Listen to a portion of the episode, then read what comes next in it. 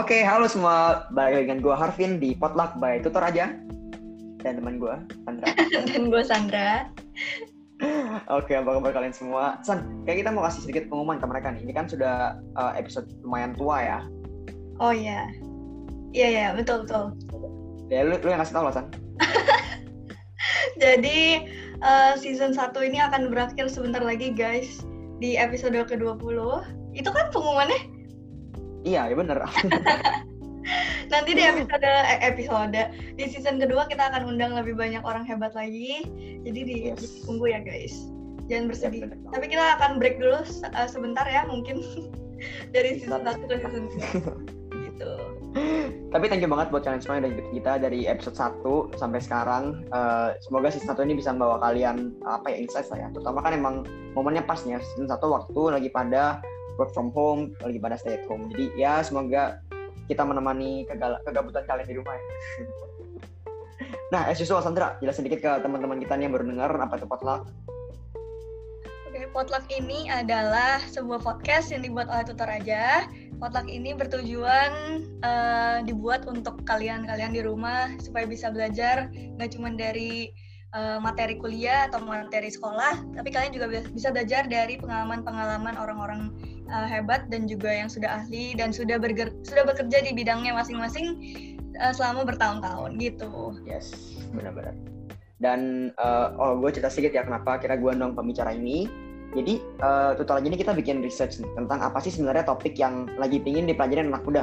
Keluarlah segala macam kayak leadership, bisnis, eh, manajemen keuangan, investasi. Tapi yang paling tinggi itu adalah ternyata tentang pemasaran alias branding ya. Jadi eh gue pikir oh kayaknya bagus juga nih kita undang orang yang ngerti banget tentang branding. Jadi kita sebenarnya langsung masih muda juga orangnya eh, Kak Agustinus Michael. Halo Kak, Halo, halo, halo.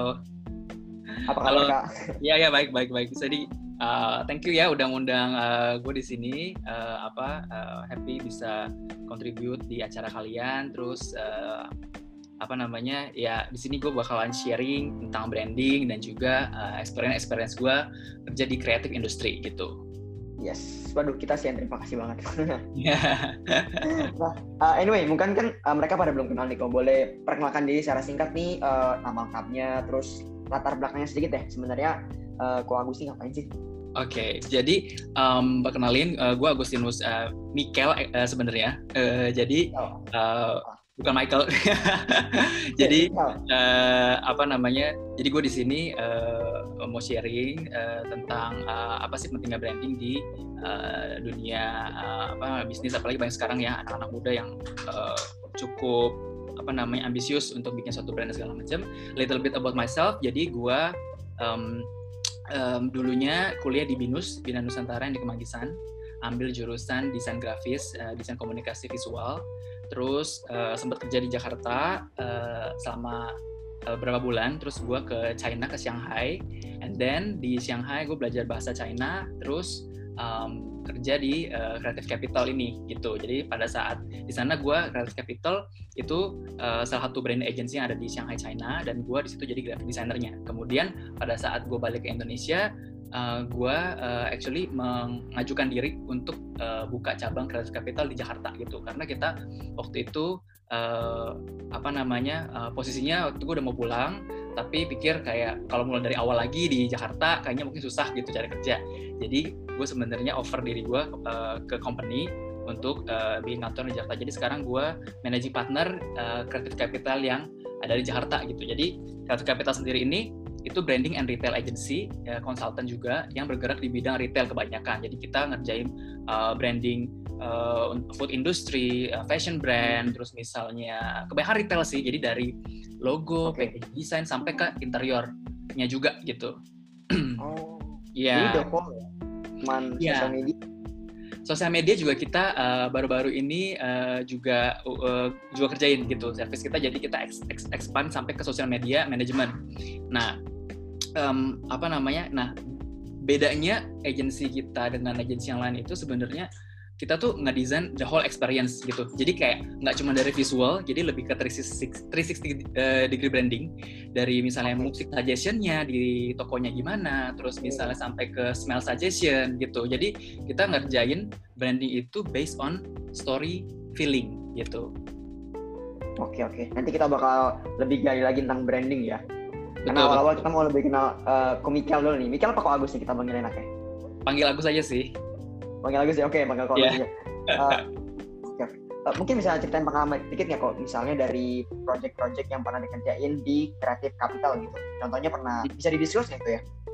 Bisa bisa bisa bisa. Jadi um, apa karena kita kan sebenarnya hubungannya juga internasional karena headquarter kita di Shanghai um, okay. kita juga ada beberapa office uh, di Europe sama di US gitu nah oh, okay.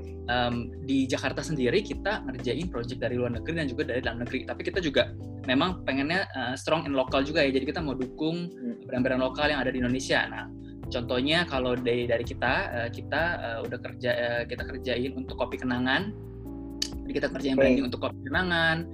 Terus uh, uh, kalau kalian tahu uh, mereka juga ada bikin brand es krim namanya Kenangan Dingin itu juga kita yang develop brandingnya.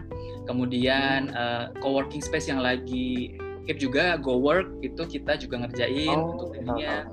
Terus uh, kalau FMB uh, mungkin kalian tahu Fish Street. Ya Fish Street oh. Fish and Chip. Ya itu juga brandingnya kita yang ngerjain. di dekat rumah gue ada tuh. Eh bukan rumah dekat kosan gue ada. Eh, di kosan mana di Serpong di iya, oke okay. uh, eh, nah kita kita kerjain V Street yang untuk uh, open di mall. Jadi dia uh, jadi uh, brandingnya dia itu kita kerjanya yang dibuka di mall. Jadi di Jakarta JGC ada terus di Trans Mall yang di Cibubur. Nah itu kita kerjain dari sampai ke interior dari rebranding sampai ke interior.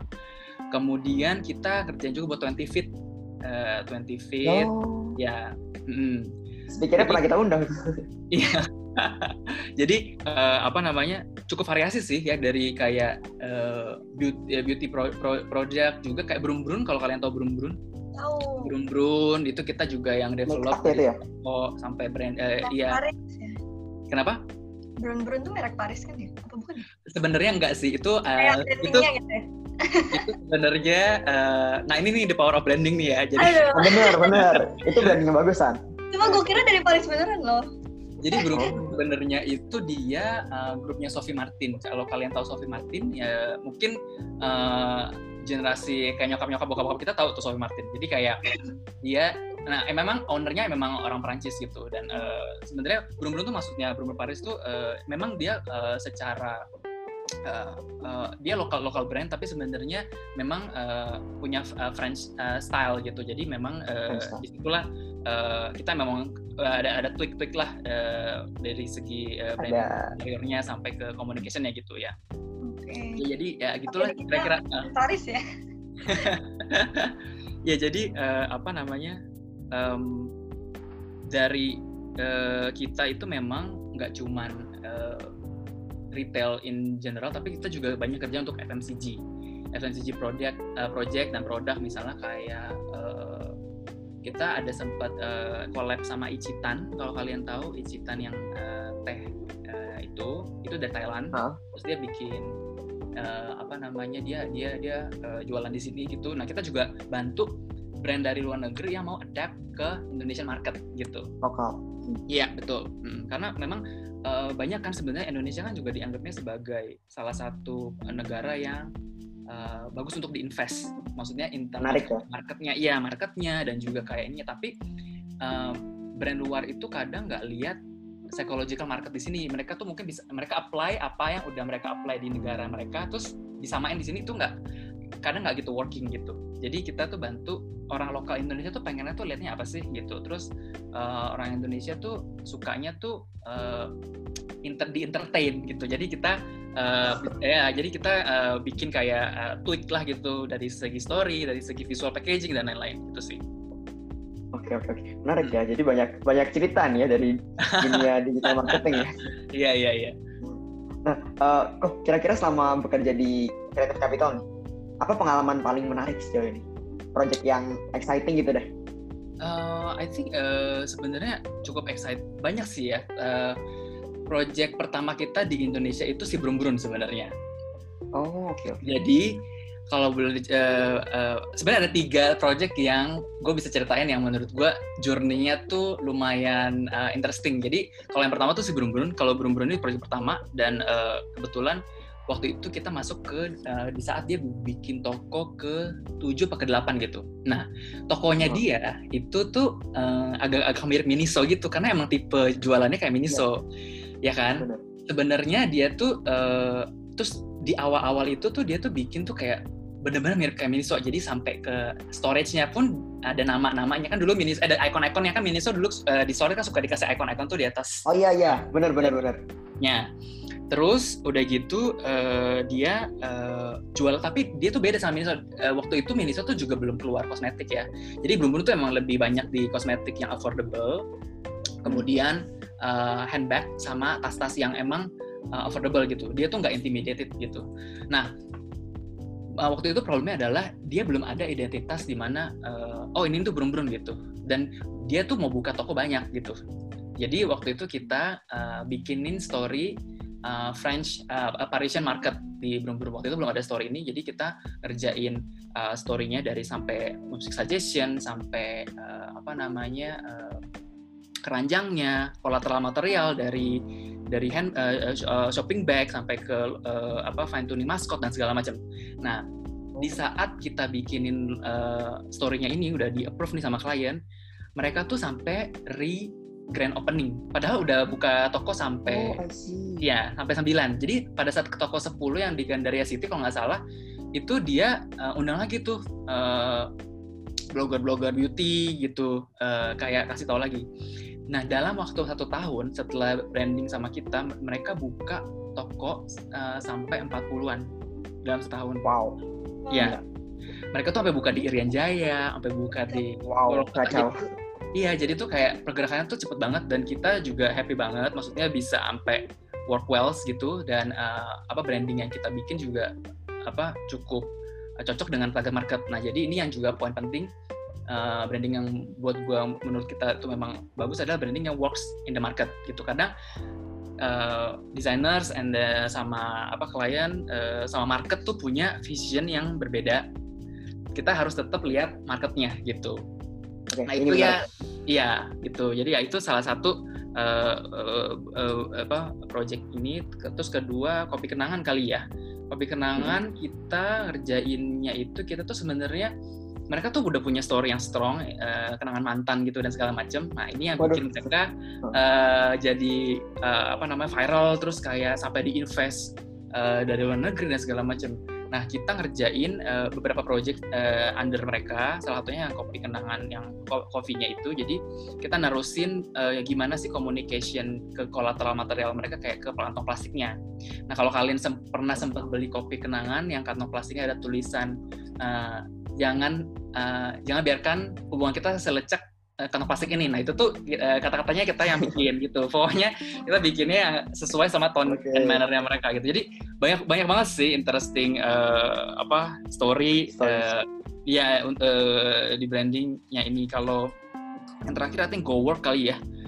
Go Work itu kita bikin brandingnya uh, dari uh, di awal mereka cuma punya satu uh, cabang jadi kebetulan memang uh, Creative Capital tuh uh, juga kita attendance-nya di GoWork gitu. Jadi kita juga di co-working space-nya. Oke, oke. Nah, ini ceritanya tuh uh, awalnya tuh collaboration bikin uh, brand ritual. Jadi dia kan udah ada tuh interiornya udah oke, okay, terus uh, apa namanya uh, uh, mereka mau expand uh, besar, terus ini ini kalau ini kita ada approach mereka sih, kita approach mereka kita um, dari gue sendiri sebagai tenis tuh gue tuh suka gitu sama si GoWork ini kayak gue udah bisa ngerasain ini ini ini yang udah existing gitu yang udah existing aja tuh kayak gue udah berasa kayak wah nih brand nih kayaknya bakal bisa Cakep nih gitu. Iya, iya. Itu kadang-kadang juga dari feeling-feelingan gue juga gitu yang gue bisa kayak hmm. um, approach uh, ownernya dan segala macam. Jadi gue gue ngomong sama ownernya, gue bilang, uh, lu nggak lihat uh, bisnis lo ini uh, apa Gore tuh as a brand gak sih gitu. Karena gue ngeliat ini tuh hmm. something yang interesting lah uh, buat kita bisa collab gue bilang gitu. Terus hmm. jadilah kita collab kemudian di tengah-tengah collab udah proses sudah jalan eh dia merging. Dia merging sama rework. Jadi rework itu juga salah satu co-working space. Terus dia merging Oh. kita ngerjain juga. Nah kalau GoWork nih interestingnya kita ngerjainnya itu sampai kayak musik playlistnya. Itu kita kerjain terus Oke. smell suggestion pas masuk ke dalam lobby itu baunya apa misalnya I think di Iya. ya kayak gitu-gitu jadi di di Bali kayaknya ada satu deh yang di eh, GoWork ada di Bali satu kalau nggak salah deket Denpa- daerah Denpasar situ Eh, Nggak, apa tapi- jadi ya kenapa Tapi waktu waktu waktu gue ke Jakarta, gue itu ada interview orang terus ketemunya di GoWorknya dia nih. Bener ada ada something smell-nya pas masuk tuh ada. Bener gue gue bisa gue keinget Iya. jadinya itu. Oh, oh, iya kan sempat berarti sempat sempat coba gowok yang di sempat coba masuk gowok yang di Jakarta kan berarti kan? Sempet sempat masuk Iya. sekali. Terus gue inget tuh di lobby di awal masuk tuh di front desk-nya ada ada kayak bau sesuatu gitu ya. Iya, jadi kita emang suggest eh, apa karena di saat dia merging dia tuh udah ada planning nih oke gue mau buka di sini sini sini. Nah itu kan perlu konsistensi in term of brand kan. Iya. maksudnya kita nggak mungkin dong kayak oh eh, cabang ini kayak gini cabang ini kayak gini gitu. Mesti ada konsistensi. Nah kita di situ eh, collabnya itu sama si Gowok tuh bener-bener dari even dari lagunya pun itu tuh sama. Se- semua cabang tuh tipe lagunya sama karena kita juga suggest ke mereka oke ini playlistnya begini gini gini siang begini eh, pagi begini gitu. Nah. Sampai ke brand ritual. Nah, brand ritual ini itu tuh kita kerjain gimana eh, cara eh, eh, apa namanya sales tuh nyambut tenants baru. Kayak misalnya eh, kan kalau gue kan coworking space kan eh, sebenarnya sama lah mirip-mirip sebenarnya tipe bisnisnya kan properti ya. Maksudnya kayak ibaratnya kalau ada tenants mau datang mau sewa office-nya kan pasti disuruh masuk, disuruh tour keliling, lihat uh, ruangannya, eh, environment segala macam. Nah, itu sempat bikin kayak guidelines gimana nyambut uh, tenant apa uh, potensial tenants mereka gitu. Oke. Kayak eh, jadi dari dari dari flow touringnya sampai kayak hari pertama kalau udah deal masuk ke dalam uh, office tuh gimana gitu-gitu. Jadi kayak uh, apa namanya uh, bener-bener uh, brandingnya itu branding tuh nggak cuma dari segi visual gitu sebenarnya kayak dari verbal juga dari uh, sense juga gitu nah jadi di situ kita creative capital uh, capable untuk bantu sampai ke area itu kemarin si MC Go Work. nah dan uh, di tahun kemarin itu kita tuh menang award gara-gara ngerjain projectnya Go Work di Shanghai Oh, oke oke. Iya, Di Shanghai? di Shanghai-nya. Shanghai. Jadi eh, eh, jadi di di Shanghai itu jadi ada ada ada acara award namanya Transform Award. Jadi em, ya mungkin nggak orang-orang yang mungkin nggak kerja di kreatif industri belum begitu tahu, tapi ini tuh Transform Award ini lumayan cukup eh, Prestigious.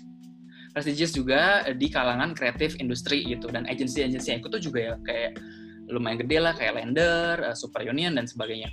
Nah jadi si si si si GoWork ini kemarin kita menang gitu. Jadi gue sempat di Shanghai kemarin itu terima awardnya dan kita tuh dapat gold award as in kayak memang yang eh, paling eh, tinggi untuk eh, branding eh, apa namanya acquisition merger eh, case gitu. Nah jadi GoWork waktu itu eh, cukup eh, successful story juga gitu.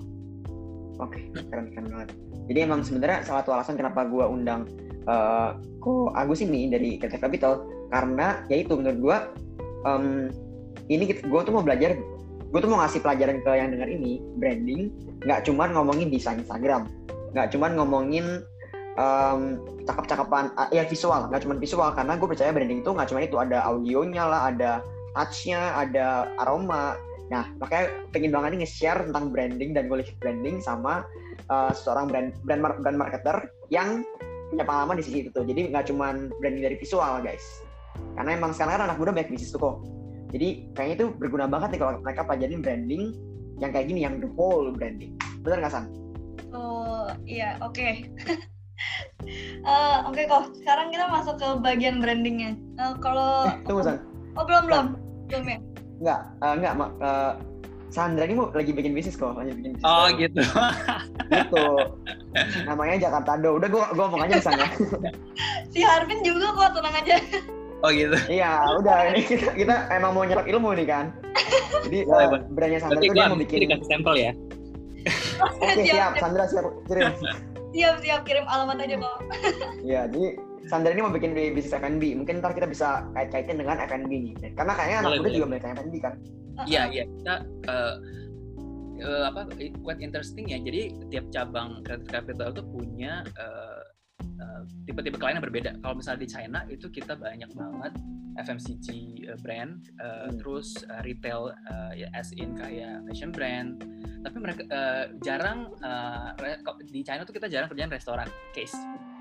Tapi kalau di Jakarta itu tuh dari uh, kita tuh banyak kita banyak kerjain uh, restoran, terus misalnya uh, coffee shop atau misalnya startup startup bisnis yang lagi memang uh, apa namanya growing gitu. Early stage ya. Itu bener-bener memang yang uh, development uh, develop uh, apa country yang memang banyak banget uh, bisnis-bisnis baru bermunculan dan startup-startup yang emang keren-keren banget dan orang-orangnya tuh juga yang super kreatif gitu menurut gua. Jadi mereka juga ngerti pentingnya branding untuk uh, sustainability bisnisnya mereka gitu. Kayak gue tahu kenapa selain itu banyak apa klien lo yang F&B. Orang kenapa? orang Indo tuh suka lapar ya nggak sih? Kayak dikit-dikit ngemil gitu. Konsumtif gitu itu sebenarnya. Ya, ya kan? uh, dikit-dikit aduh nggak bisa nugas nggak bisa fokus ngopi. Aduh lapar kayak ini pesan makanan di Gojek GoFood gitu. Iya ya ada ada ada ada faktor itu juga uh, di satu sisi itu terus di, di sisi lain gue rasa juga karena uh, apa ya kan ya betul karena kita suka makan aja. Karena emang kita culture-nya tuh makan bar misalnya kalau kita pergi sama iya, ya gak sih? Nongkrong makan uh, ada kopi yang enak terus murah langsung viral gitu loh. Maksudnya kayak kita tuh cepet banget adapt ke tren menurut gua. Dan sebenarnya nggak sadar lo kalau pergi sama temen gue yakin 90% lah pasti pertanyaan adalah mau makan di mana ya nggak? Sampai bisa sampai bisa berantem ya cuma nentuin makan di mana. Iya bener banget oke tadi lo mau nanya apa sih oke jadi kita masuk ke bagian brandingnya kok uh, kalau menurut kok branding itu apa sih hmm.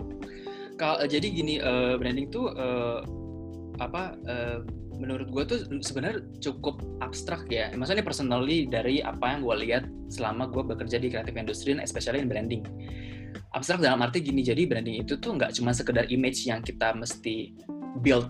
Itu tuh um, apa namanya? Itu tuh kalau gue bisa bilang tools untuk bikin bisnis sustainable tuh bisa juga gitu loh. Jadi kayak branding itu nggak cuma sekedar image, uh, bikin personality dan bikin uh, uh, apa namanya uh, visual yang uh, super uh, glamour dan segala macam, tapi lebih ke kayak gimana uh, brand uh, kalian atau brand yang uh, ada di uh, yang owned by, by kalian itu tuh bisa selalu uh, pertama kayak diingat orang, bisa selalu uh, loyal sama kali uh, sama brand kalian dan segala macam. Jadi itu tuh nggak cuma sekedar image tapi itu the whole story dari uh, bisnis kalian sebenarnya.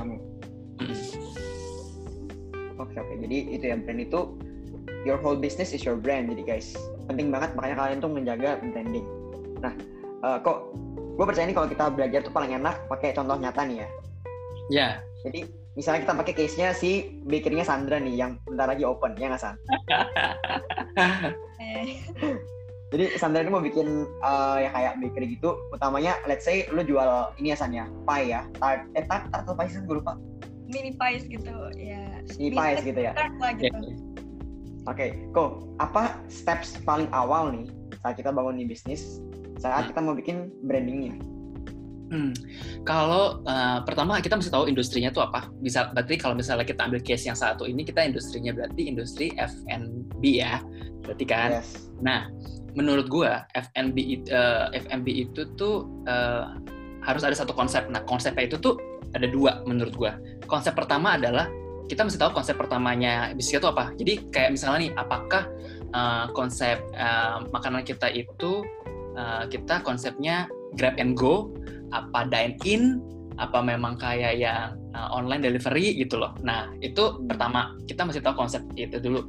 Kedua, konsep berikutnya adalah story, feeling yang kalian mau uh, apa namanya utarain di brandnya kalian. Nah, um, quality dan branding sebenarnya juga menurut gue punya peran yang sama besar. Jadi uh, kadang kan ada beberapa orang yang kayak ah buat apalah gue branding branding lagi invest invest lagi orang sales gue aja udah bagus gitu ya kan hmm. kayak ada kan ada ya, yang kayak udahlah orang apa namanya gue jual kerupuk nih di mana di shop misalnya eh boleh ngomong merek sih boleh ngomong boleh, boleh, oke okay. kayak di shopee gitu terus kayak ntar oh.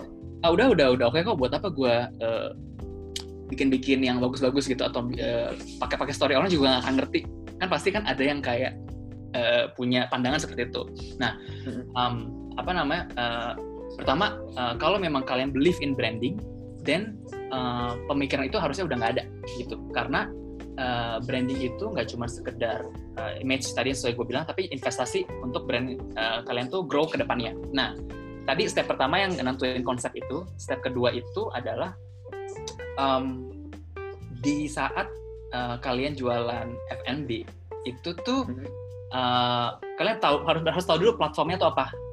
Kalian misalnya kayak si Sandra nih platformnya misalnya oh gue mau jualannya lewat Instagram nih. Oh gue mau jualannya lewat uh, event gitu kan. Nah hmm. itu tuh nanti Pameran. tuh ya menurut gue di awal tuh udah harus kayak lumayan jelas. Uh, oke okay, gue konsepnya uh, grab and go terus gue mau jualannya di uh, event gitu kan. Berarti kan yang lu udah mesti siapin kan kayak berarti gue mesti siapin packaging gue mesti siapin uh, account Instagram for example atau misalnya itu berarti kan lo mesti tahu the whole tone and mannernya si brandnya ini benar gak? Nah kita ambil case contoh dari Itlah ya. Nah okay. gue mau ambil contoh konsep Itlah. Itlah konsepnya dia punya konsep itu konsep FMB-nya grab and go. Memang dia nggak memang kalau lo perhatiin kan dia kan nggak kalau bikin outlet pun nggak gede-gede untuk orang tuh dine in. Hmm. Yeah, Terus dia udah tahu. Uh, kemudian kedua, uh, gue nggak tahu sih di awal dia tuh gimana uh, bisa booming dan segalanya. Tapi yang setahu gue tuh dia tuh masuk ke food court food court yang kayak um, small small food court gitu loh, yang kayak neighborhood punya food court yang kalau di Grogol tuh kayak yang tau gak sih jenis-jenis food court yang kayak kontainer-kontainer hmm. tipenya yang kayak nah dia tuh dia masuk masuknya ke sana dan mungkin jual online juga nah terus itu konsep dia dia udah tahu nih konsep gue gue akan uh, bikin grab and go gitu terus yang kedua uh, dia udah tahu pakai nama yang something yang memang familiar dan juga uh, punya konsep kayak lihat lu, lu kalau lapar ya makanlah gitu. Jadi eat lah gitu kan. Hmm. ya kan? Oke okay, paham paham. Nah ini juga uh, jadi uh, kenapa gue mau kasih uh, share ini karena itlah punya visual itu dia tuh nggak heboh kalau kalian perhatiin. Jadi kayak in term of logo for example. It nice gitu nggak yang sampai yang kayak yeah. gimana banget. Tapi kan ada juga beberapa brand yang memang perlu sampai oh diukir-ukir terus misalnya harus yang feng shui-nya iya dan segala macam. Jadi menurut uh, jadi branding in term of uh, pada saat kalian aplikasi branding di di bisnis kalian itu tuh bukan berarti logo tuh harus super bagus uh, apa namanya packaging harus super complicated gitu. Yang kayak wah gitu. Oh, ada benernya tapi maksudnya di atas sisi tuh lebih ke kayak story-nya itu apa karena di hmm. sini yang justru uh, perlu di emphasize.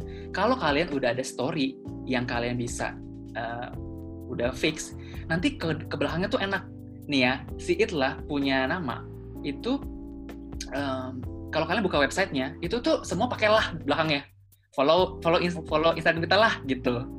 Nah itu oh, tuh iya benar benar ya dan kalian kalau perhatiin uh, dan ini ini banyak orang yang nggak ngeh tapi mungkin since karena gue uh, uh, memang gue di bidangnya ini jadi kalau lu uh, beli Irla kan Irla punya kotak kan emang juga uh, cukup otentik ya. Maksudnya secara bukan otentik maksudnya kayak lumayan ikonik gitu. Terus kalau lu habis makan nah. itu makan habis nanti di bagian bawahnya itu ada tulisan satu lagi lah gitu. Oh iya benar-benar ingat ingat. Iya nah terus di saat dia mau bikin chips dia cuma pakai chips lah di saat mereka jual minuman pakai drink lah gitu drink lah. ya kan hmm. nah ya. kenapa nah dia kalau kalian lihat itu secara grafik secara misalnya uh, in term of visual itu tuh mereka tuh nggak nggak yang super complicated nggak super heboh dan bukan yang HP kayak mesti di uh, di gambar-gambar yang gimana banget gitu karena uh, pada dasarnya branding yang paling penting itu adalah story-nya gitu. Nah, kayak buat uh, siapa Sandra gitu misalnya, uh, jadi uh, menurut gua ya kalau misalnya lu mau bikin kayak bakery gitu dan kayak misalnya uh, ini ya itu tadi konsepnya apa? Apakah kayak ya ini misalnya misalnya apakah kayak kayak si Dolab gitu misalnya. Nah dia kan dari dia kan juga lumayan terkenal pada saat dia bikin di misalnya kayak bright spot dan segala macam ya kayak event-event food uh. gitu. Atau lu pengennya lebih kayak uh, enggak gue maunya emang agak lebih ke online gitu. Jadi lu ntar mainnya di Shopee atau Instagram gitu. Nah jadi di saat lu udah tau konsep lu itu tipenya kayak apa kedua platformnya apa ketiga baru lu uh, bikin storynya gitu. Jadi uh, di situ nanti yang um, apa namanya itu yang udah utama sisanya nanti pada saat lu visualisasi ke packaging lu ke kantong plastik atau misalnya ini itu tuh harus punya tone and manner yang sama dengan uh, tema dari Awalnya. visual, iya tema dari visual story-nya. Dan nggak cuma dari visual, itu tuh kalau misalnya apalagi kalian jualannya misalnya online ya, itu tuh dari gaya bahasa pun juga kalau bisa tuh dibikin gaya bahasa oh. memang uh, uh, brandingnya kalian gitu. Misalnya panggilan untuk followers kalian apa, terus misalnya cara uh, cara even misalnya ada admin nih dari misalnya si uh, ini adminnya pun juga tahu cara balasnya tuh begini ya. Terus di depannya uh, kalian biasa harus mungkin bikin template dulu gitu ya. Di awal pakainya kata-katanya gimana gitu. Jadi uh, whole whole whole story itu harus benar-benar teraplikasi ke sampai detail-detailnya yang kayak gitu gitu. Ya ya sejalan semua ya ini jadi yeah. ngingetin gue sama ini san sama uh, Kopi Show jadi uh, kita kapan dari sempat ngobrol sama founder Kopi Show, kita bikin episode bareng dia juga. Ya. Dan waktu itu gue sempat tanya tentang rahasia brandingnya Kopi Show. Dan bener kata, bener sama kayak kata uh, Ko Michael, Ko, Ko Agus nih. Ya. Karena dia bikinnya tuh konsepnya tuh jadul ya kan. Kalau dipatin semua hmm. pakai ejaan lama dari brandingnya ya. juga apa konsepnya story story jadul-jadul nostalgia gitu. Tapi bener ya emang uh, rahasia branding itu itu. Jadi kalau aku rangkum lagi nih guys, pertama harus tahu dulu kalian itu siapa. Konsepnya itu apa? Harus jelas banget kalian itu siapa sih sebenarnya. Kedua tentuin platformnya. Mau jualan di mana terus jualnya lewat apa. Ini lebih ngomong ke bisnis model berarti ya. Kayak kalian betul, mau nih dan bisnis kayak gimana. Ketiga baru kalian create story. Nah ini kreatifnya harus jalan ya berarti. Harus otak-otak hmm. otak-otak kreatifnya terus di dijalankan lagi baru dari situ udah nemu storynya. Tinggal kalian turunin semua istilahnya ya ke packaging kalian, ke Instagram kalian, ke gaya bahasa dan semua muanya. Iya iya. Oh. Sama satu lagi uh, apa di kalian juga mesti tahu target marketnya kalian siapa ya. Soalnya uh, percuma misalnya kita bikin uh, uh, visual yang memang bagus banget, tapi target marketnya nggak cocok, itu juga nggak nggak akan working gitu. Jadi mesti tahu juga target marketnya itu tuh siapa gitu. Makanya Uh, itu itu sebenarnya uh, step sebelum nentuin visual dan story sih itu. Jadi harus bisnis modelnya apa, target market baru uh, story brandingnya apa gitu. Bener-bener. Gue mau gue mau share lagi satu deh guys. Ini kayak ini peng, apa pengamatan gue sendiri ya. Ya. Gue nemuin um, banyak mahasiswa sekarang yang buka bisnis itu menurut gue mereka kebanyakan bikin produk apa pun yang bagus maksudnya itu apa? Maksudnya itu mereka targetnya selalu menengah ke atas. Dari sisi produk, branding, semuanya itu kayak high quality gitu. Ya bagus juga, cuman menurutku kandang itu nggak selalu kayak gitu. Ya kan karena bisnis itu adalah tahu target market siapa, terus jual ke dia dan menyesuaikan produk kita ke dia. Contohnya nih, sekarang tuh lagi booming uh, es teh. Pernah dengar apa? Es teh ya. Nah, menurut aku itu contoh dari produk yang simple, dia packagingnya nggak yang kelihatan mahal juga enggak. Dia juga bukan yang uh, elegan luxury kayak bisnis yang masih dibikin anak muda sekarang. Tapi dia tahu oh banyak orang anak banyak orang Indonesia yang suka ST dia bukan bikin harga terjangkau bikin produknya simple dan laku banget sekarang kan. Menurut aku itu contoh yaitu brand itu nggak harus kalian bikin yang super high quality. Yang penting kalian tahu target marketnya di mana. Karena pasar itu kan selalu ada tinggal kalian sesuaiin aja produk kalian dengan pasar yang kalian tuju Ya, yeah, I think uh, sebenarnya lebih ke kayak memang uh, branding yang dan story yang kalian mau bikin ini tuh harus yang target market kalian tuh juga paham gitu. Jadi kalau misalnya, iya yeah, benar-benar Eh, semua branding harus uh, good quality lah. Tapi maksudnya good quality di sini adalah uh, implementasinya good quality secara dari segi ya, benar-benar. Uh, uh, apa namanya uh, packaging dan segala macam. Karena kan itu kan juga mencerminkan kualitinya food uh, atau quality produknya kalian gitu. Cuman ya memang nggak uh, bisa disamaratain, nggak mesti yang semuanya itu tuh harus yang punya style seperti ini gitu. Jadi karena hmm, nanti uh, kalau target market kalian nggak nggak kena itu nanti tuh lumayan uh, nggak working gitu jadinya gitu. Benar-benar emang penting banget kalian tahu target marketnya itu maunya apa mm-hmm. jadi gimana san? Lu ada ada mau tanya lagi tentang Jakarta dosan ini mumpung makanan branding ini sih san. Aduh si Arvin juga punya nih jus Udah jangan, jangan terlalu banyak contoh, terlalu banyak contoh ntar malah bingung kan. Kok kalau kok kalau lagi ke Bali jangan lupa cobain 100 Juice dari punya Harvey. Iya ya, sip sip. Oke, oke apa sih branding yang buruk itu kok dan apa yang harus dihindar apa yang harus dihindari supaya branding uh, itu nggak jadi buruk gitu? Sebenarnya tuh menurut kalau menurut gue tuh nggak ada branding yang buruk ya. Maksudnya buruk gimana gitu? So, menurut gue sih gini sih uh, mungkin mungkin mungkin branding yang kurang tepat kali ya. Kalau buruk tuh menurut gue uh, gue rasa nggak ada orang yang mau bikin branding tuh bikin image yang buruk gitu buat si si si si produknya dan segalanya. Tapi gue rasa mungkin um, uh, apa yang harus dihindari supaya brandingnya tuh nggak uh, apa yang harus dihindari kalau misalnya ada suatu branding tuh yang nggak tepat kali ya? Mungkin uh, pertama tuh uh, menurut gue sih uh, pertama tadi jangan sampai uh, branding kita tuh miss target marketnya gitu. Kedua otentik kali ya originalitas yang mesti di uh, apa namanya dipertahankan. Jadi maksudnya gini otentik sama originalitas adalah um, bukannya mesti 100% original yang kayak nggak belum ada orang yang punya gitu bukan. Menurut gue tuh uh, ideas terus misalnya itu udah dari mana pun dari bisnis model atau misalnya dari visual itu pasti kita tuh dapat banyak reference. Dan maksudnya justru kita bikin branding itu pasti juga karena kita lihat reference dari yang lain. Maksudnya um, yeah. even even bisnis model pun juga sama seperti itu gitu. Jadi kayak kalau misalnya kita uh, nah tapi di satu sisi itu uh, bukan juga bukan juga jangan sampai kita jadi plagiat gitu. Intinya uh, kan uh, apalagi lagi ada rame-rame juga nih kemarin ya yang kasus plagiat atau misalnya dari nama brandnya sama gitu atau dari logonya mirip gitu oh, kan. Iya. Nah jadi itu uh, nah branding yang yang yang mungkin itu mesti dihindari gitu loh. Maksudnya jangan sampai kok miripnya tuh terlalu mirip gitu yang kayak sama udah produknya sama namanya udah mirip dan segala macam. Itu uh, kedua. Nah ketiga I think uh, secara visual kali ya secara visual jangan sampai um, apa yang kalian mau utarain itu tuh punya uh, different perspektif.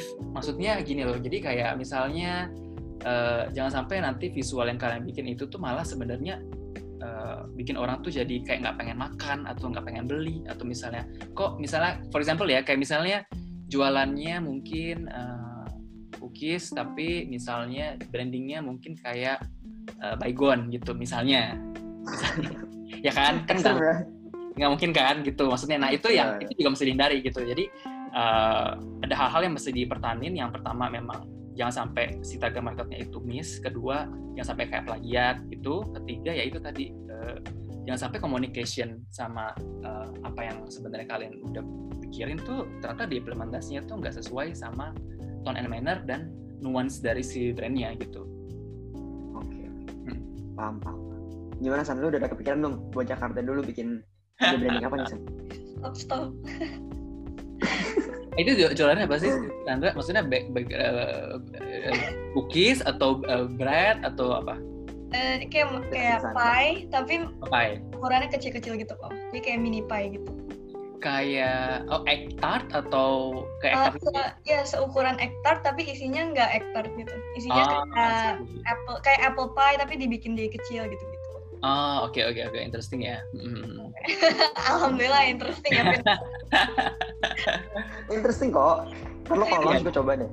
Soalnya apalagi kayak menurut gua nih kayak uh, kayak COVID uh, pandemic ini itu tuh I think uh, itu itu hurts a lot of F&B uh, business yeah. apalagi hospitality dan um, pernah kalian pernah baca gak sih yang kayak uh, uh, jangan uh, dukung uh, beli makanan untuk yang uh, UK, uh, apa yang uh, apa namanya? small business.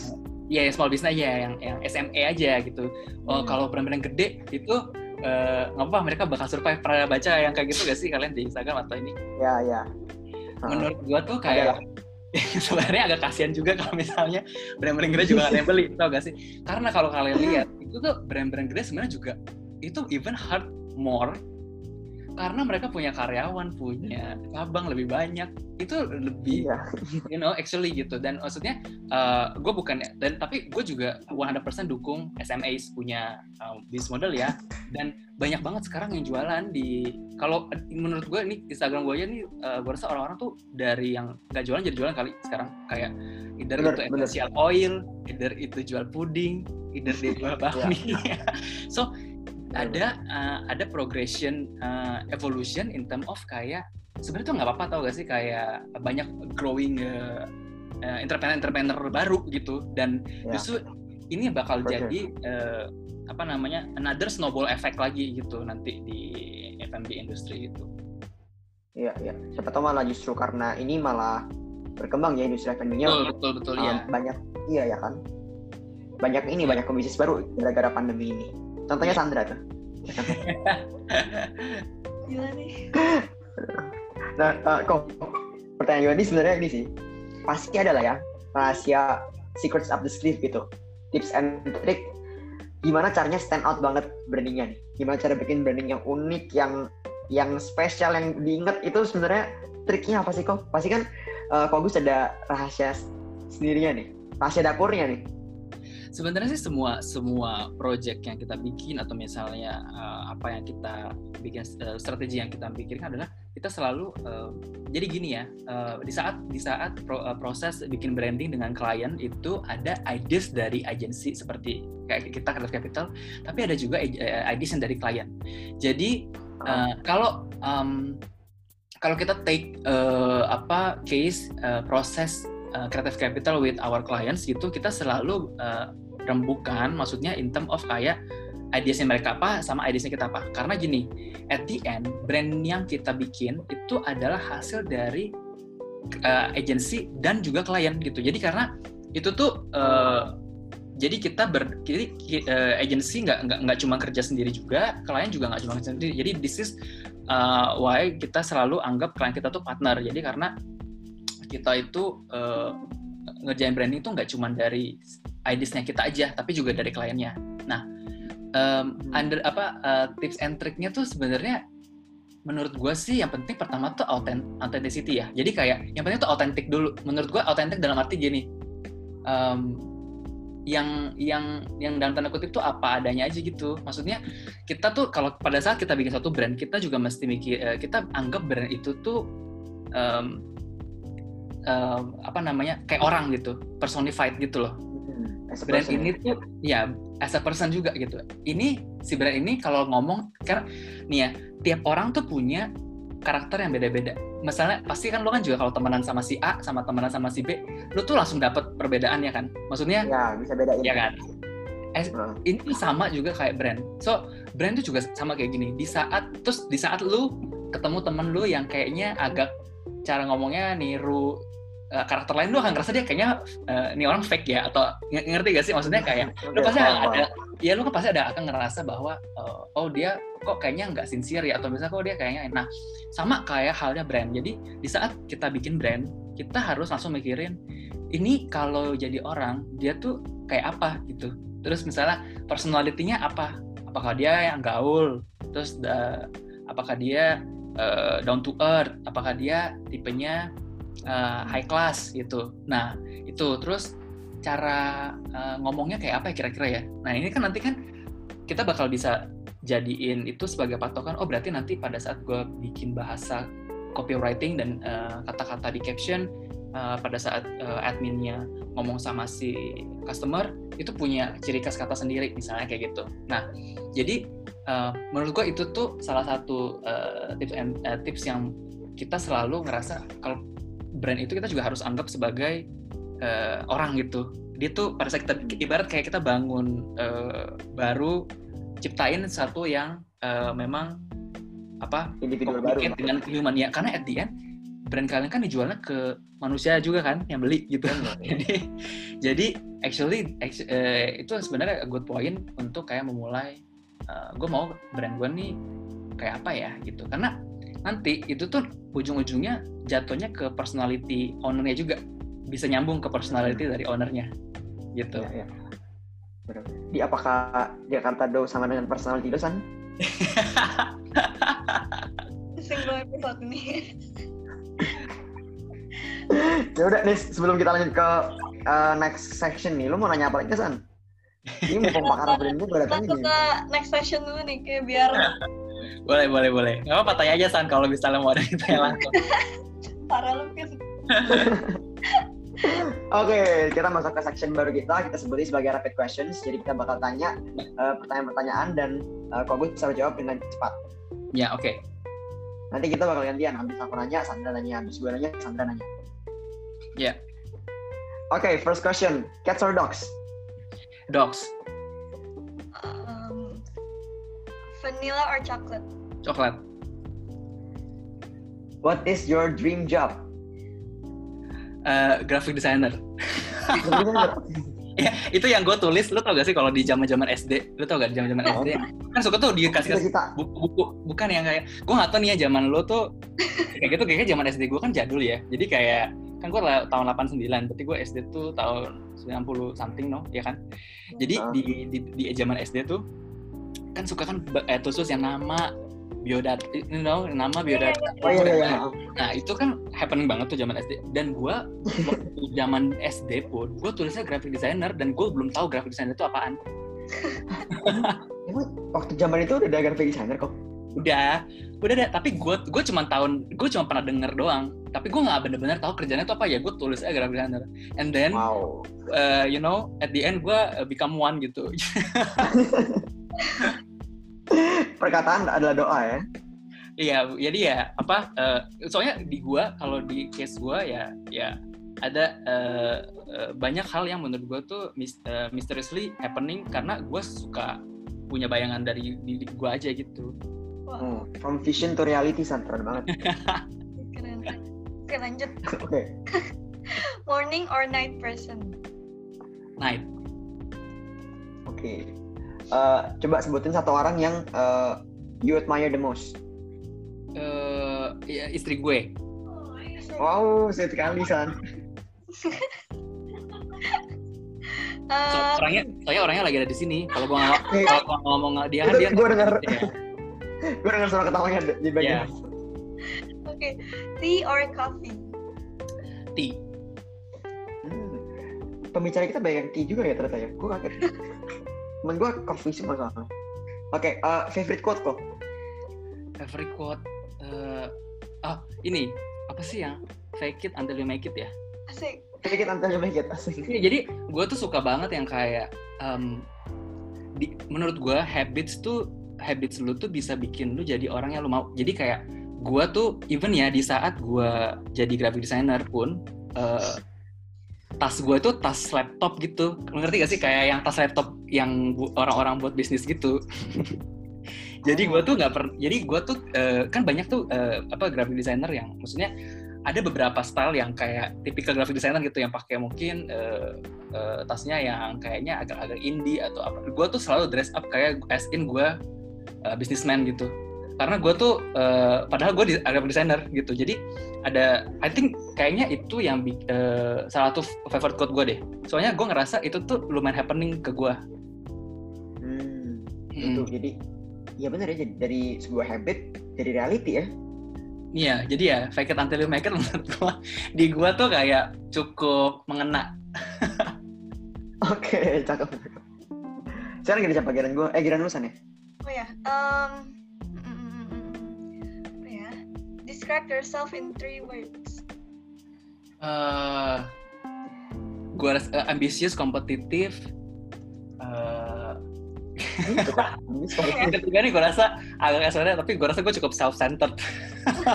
Oke, nggak apa-apa. Itu berarti honest juga ya? Iya iya. iya. Gue rasa gue kalau kalau kalau lu bilang tiga itu di di di otak gue yang pertama kali, gue berasa tiga word itu tuh keluar. Oke. Eh, lebih pilih pasangan yang funny or romantic? Funny. Funny. Tadi isi dulu funny kok. Kenapa? Oh iya dong. Kalau nggak nggak gue kalau nggak gue gue kawinin. Oke, uh, what is the thing you're most afraid of? Apa yang paling ditakuti? Em, aduh, apaan ya? Em, gue aduh sama gue nggak bisa repet nih kalau ini gue agak bingung bentar. Apa yang paling apa yang paling apa yang paling ditakutin ya?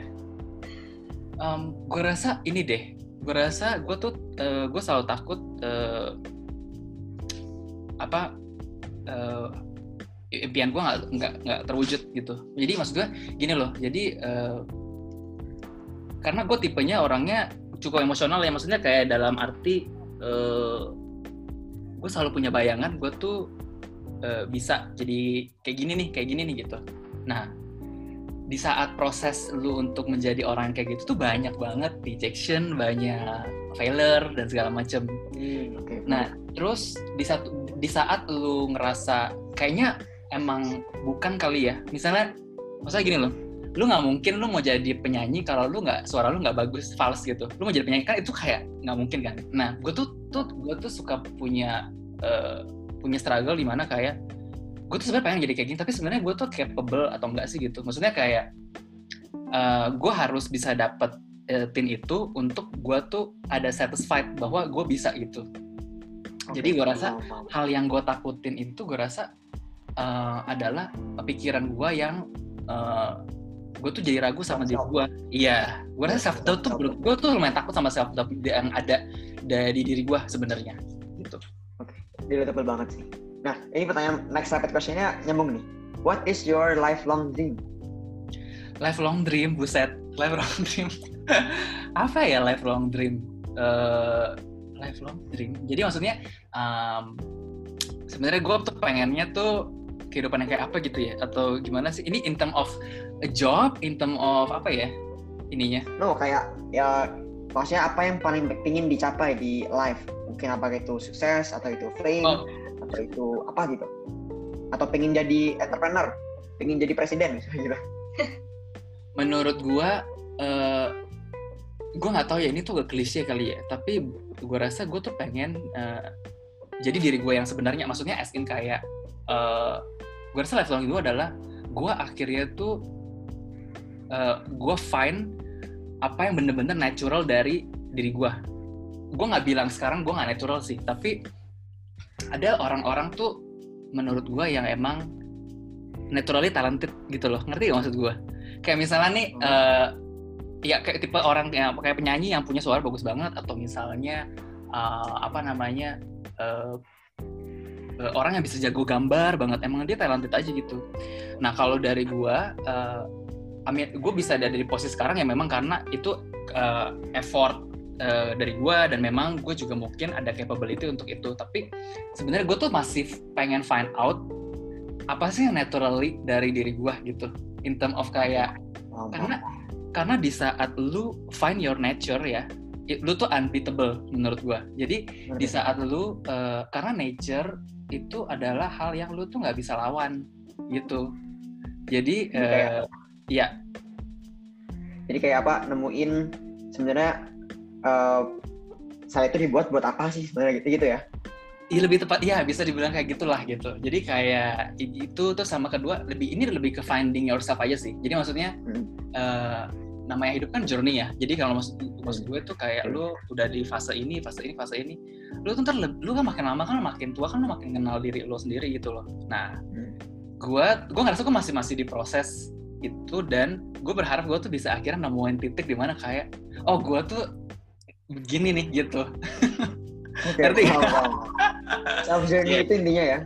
Self journey lah ya. Menurut gue sih ya discover karena gue selalu uh, ada beberapa buku yang emang gue baca yang gue malah lebih suka baca buku yang lebih self journey kayak misalnya kayak Seven Habits atau misalnya uh, The Secret dan lain-lain. Jadi karena menurut gue itu tuh ya. jadi uh, ada beberapa menurut gue ada gue nggak gue bukan tipe orang yang membaca buku tapi ada beberapa buku yang interest yang yang uh, interest buat gue yang akhirnya tuh gue rasa mungkin gue emang gue tuh lumayan suka gitu yang kayak self journey self discovery dan segala macam. Oke okay. last question dari rapid question nih. Dream holiday destination dream holiday destination ya? Uh, eh, gue mau ke mana ya? Um, ke mana ya? Oh gue gue mau gue pengen lihat aurora sih at least. Aurora di Iceland, Iceland ya? Iya yeah, Iceland. Wow. I think Iceland kali ya kalau sekarang ditanya. Um, dulu gue rasa gue sampai sekarang belum gue dulu gue gue rasa gue pengen ke US dan kayak zaman gue SMP gue lumayan adore US banget kayak dari segi uh, musiknya terus kayak dulu kan zaman zaman MTV ya jadi gue tuh anak gue tuh kayak freak gitu sama MTV jadi gue suka gue tonton terus. Jadi gue lumayan adore uh, US culture gitu sama kayak zamannya 90s menurut gue tuh lagu-lagunya tuh kayak menurut gue uh, apa ya cukup memorable dan nostalgic buat gue tapi mulai sekarang tuh gue rasa gue ada udah nggak gitu kayak gue udah gak gitu tertarik gitu untuk kayak ke ke ke sana karena gue rasa dunia tuh udah berubah aja gitu. Lu tuh kayak ngerti gak sih? Kayak gue rasa US punya uh, image yang buat gue tuh kayak gue kok nggak nggak gitu tertarik lagi tadinya tadinya US tadinya tapi sekarang mungkin kayaknya gue mungkin Iceland kali gitu Iya. yeah. Iceland bagus kan bagus banget sih Iceland memang auranya yeah. wow Iya, yeah, San, yeah. kalau lo ke mana San? Dream destination lo ke mana San? Um, maybe UK ya. Tadi aku juga UK. pengen banget loh ke US. Terus yeah. ngapain aja? Tapi kayak kayaknya UK juga bagus. Banyak sih kayak. ya udah oke. Okay. Jadi uh, that was our rapid question section. Thank you kok. Ya yeah, ya. Agus, yeah, kita bakal ya kita bakal wrap things up nih abis ini nih. Nah, tadi kan kok Agus ada banyak ngomong tentang uh, failure, dealing with journey and stuff ya. Mm. Nah, pertanyaan terakhir dari gue nih, um, what is your failures in life dan gimana kok cara kok Agus bisa overcome it gitu? Mm. Um, sebenarnya sih gue nggak ada uh, kalau ditanya itu gue gue uh, belum ada particular uh, situation yang langsung muncul di otak gue tapi um, struggle terbesar gue itu adalah gue rasa uh, finding uh, uh, apa yang gue mau. Jadi ini tuh menurut gue tuh kadang mungkin orang-orang gampang kali ya kayak gue tahu nih apa yang gue mau. Buat gue tuh kayak gue tahu apa yang gue mau tapi kadang tuh situasi tuh nggak nggak let it happen yet gitu nah uh, jadi gue tuh sempat punya uh, struggle dulu. Jadi waktu gue uh, gue sempat uh, abis dari Shanghai itu tuh kan gue sempat uh, abis dari abis lulus kuliah kan gue sempat ke Shanghai itu setahun untuk belajar bahasa. Dan hmm. untuk kayak uh, pertama kalinya gue tuh uh, di luar negeri gitu. Dan gue selalu punya punya pandangan bahwa gue harus bisa ada experience uh, abroad gitu. Nah abis tahun itu gue pulang gue ngerasa uh, gue ngerasa gue nggak di di tempat yang benar gitu. Jadi selama tiga tahun tuh gue berusaha untuk balik lagi ke sana tapi tanpa bantuan orang tua. Jadi kayak gue nggak mau orang tua gue bayarin gue lagi buat sekolah dan lain-lain gitu. Ini intinya gue mesti harus balik um, dengan usaha gue jadi gue tuh banyak banget ngelakuin hal-hal yang menurut gue tuh kayak di luar dari uh, konteks ini. Kayak misalnya gue bisa ikut-ikut les Inggris, ikut-ikut les ini les itu, jadi buat kayak ngedistract gue uh, untuk uh, gak mikir ke arah sana gitu, karena dorongannya tuh kuat banget untuk balik. Nah, hmm gue ngerasa pada saat gue dari setahun di Cina itu gue ngerasa kayak gue pulang tuh gue nggak bawa apa-apa gitu. Karena ya lu tahu ya sekolah bahasa doang di Cina tuh kayak main-main banget gitu. Jadi pas balik tuh kayak gue ngerasa kok nggak ada something yang gue bisa bawa. Tapi gue selalu punya dorongan uh, calling gue tuh kuat untuk gue harus balik gitu. Dari dari dari tiga tahun itu tuh banyak banget rejection dan gue tuh banyak banget interview. Gue rasa ada kali uh, hampir 100 uh, apa company wow. yang gue apply yang terus uh, gue ada interview-interview yang akhirnya tuh gue failed gitu.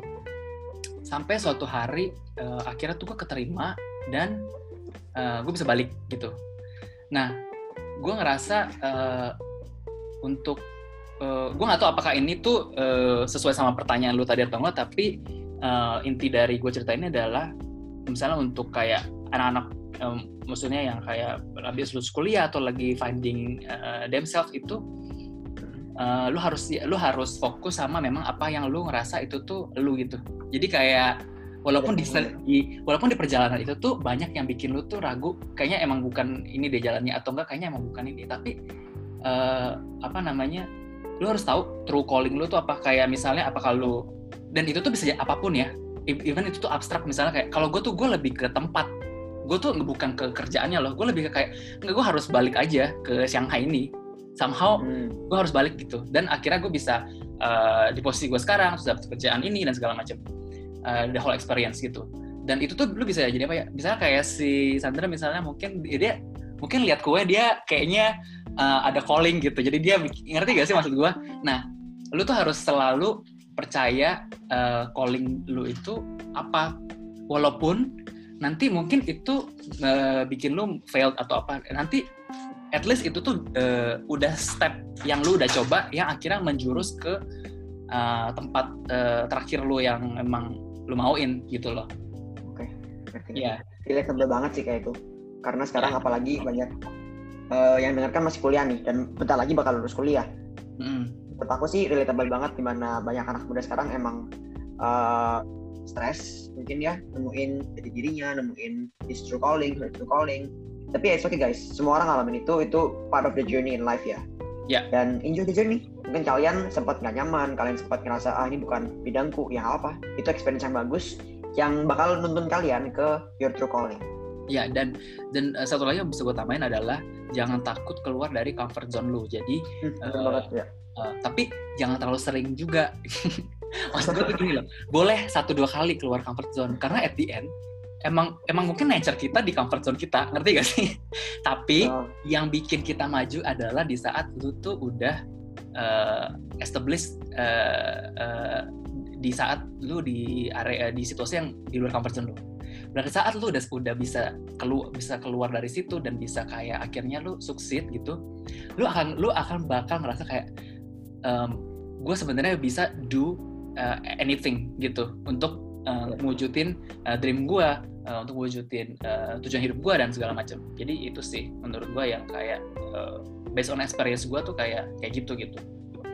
Ya gimana experience dan getting out of your comfort zone. Ya ya ya. Gitu. Gimana? Ada ada ada pertanyaan lagi? Apa? Si Santa coba. Uh, mungkin boleh kok terakhir uh, tips buat entrepreneur muda mungkin ya. Tapi yang terkait branding kalau tadi kan udah uh, terkait kehidupan ya ya ya ya, ya. life ini tentang ya. branding gitu oke okay, buat buat uh, entrepreneur muda tentang branding um, maksudnya yang baru-baru start ya yang kayak emang uh, baru mulai gitu ya San ya hmm. um, ya itu tadi uh, jadi uh, di saat uh, kalian bikin suatu pro, uh, produk yang ada ada produk yang interested yang kalian pengen jual itu kalau kalian memang kalau perta dari pertanyaan Sandra berarti gue assume semua entrepreneur ini believe in branding ya. Jadi ya, harusnya. Kalau nggak ngapain dia branding? Ya karena ada nggak nggak salah juga. Maksudnya ada beberapa entrepreneur yang memang believe in sales gitu. Believe in numbers ya kan?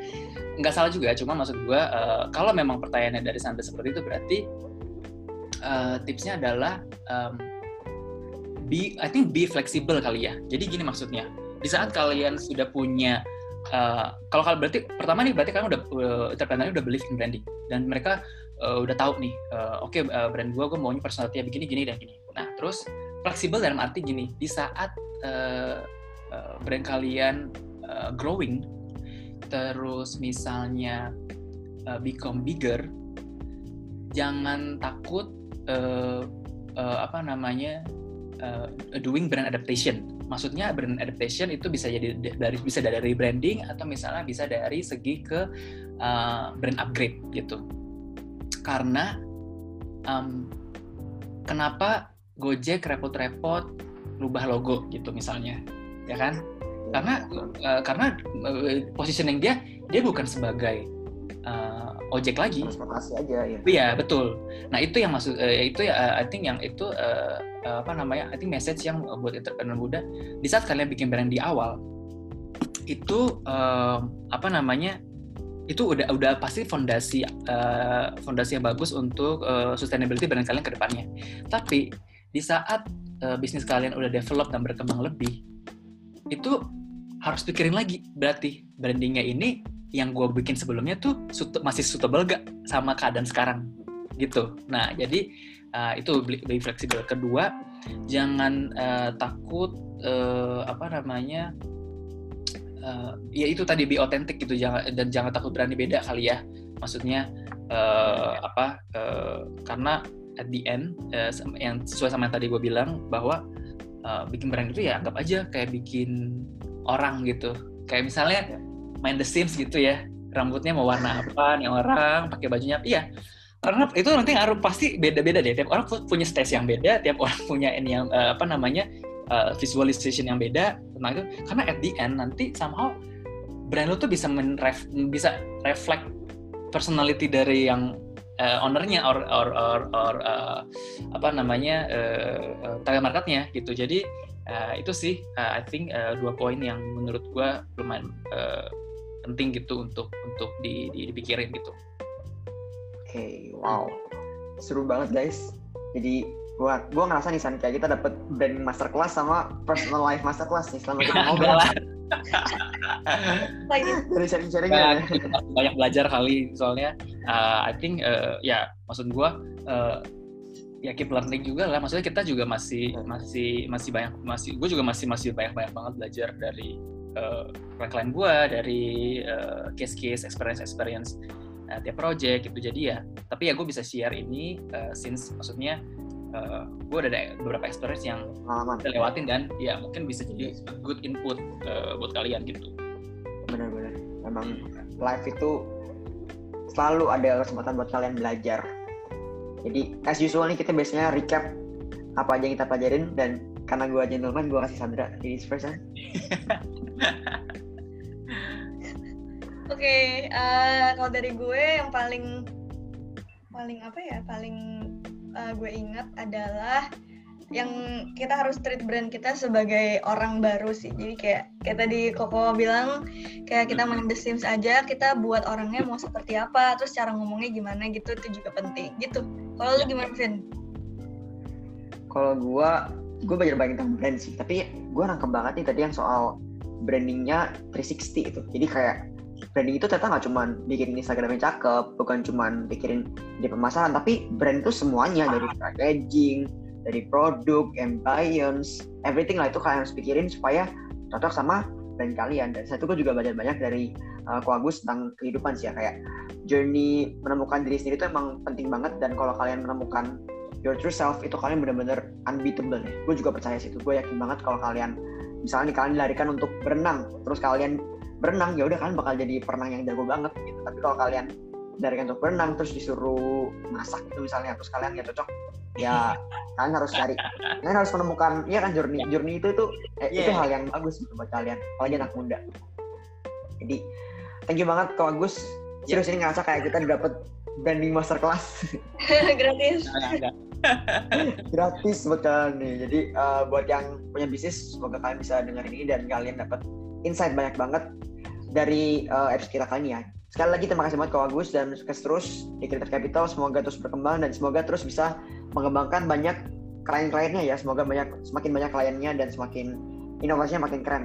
Bun-bun, yeah. kopi kenangan dan sebagainya. Oke okay, guys. jadi ya. yeah. Ya, jadi thank you banget buat semua yang udah denger. Uh, hopefully kalian dapat pelajaran kayak tadi gue udah bilang. Thank you banget buat kalian udah dengerin dari awal sampai sekarang. Para sobat potluck kita, kita bakal ketemu lagi di episode berikutnya. See you guys. Okay, Bye. Thank you, thank you. Thank you. Bye.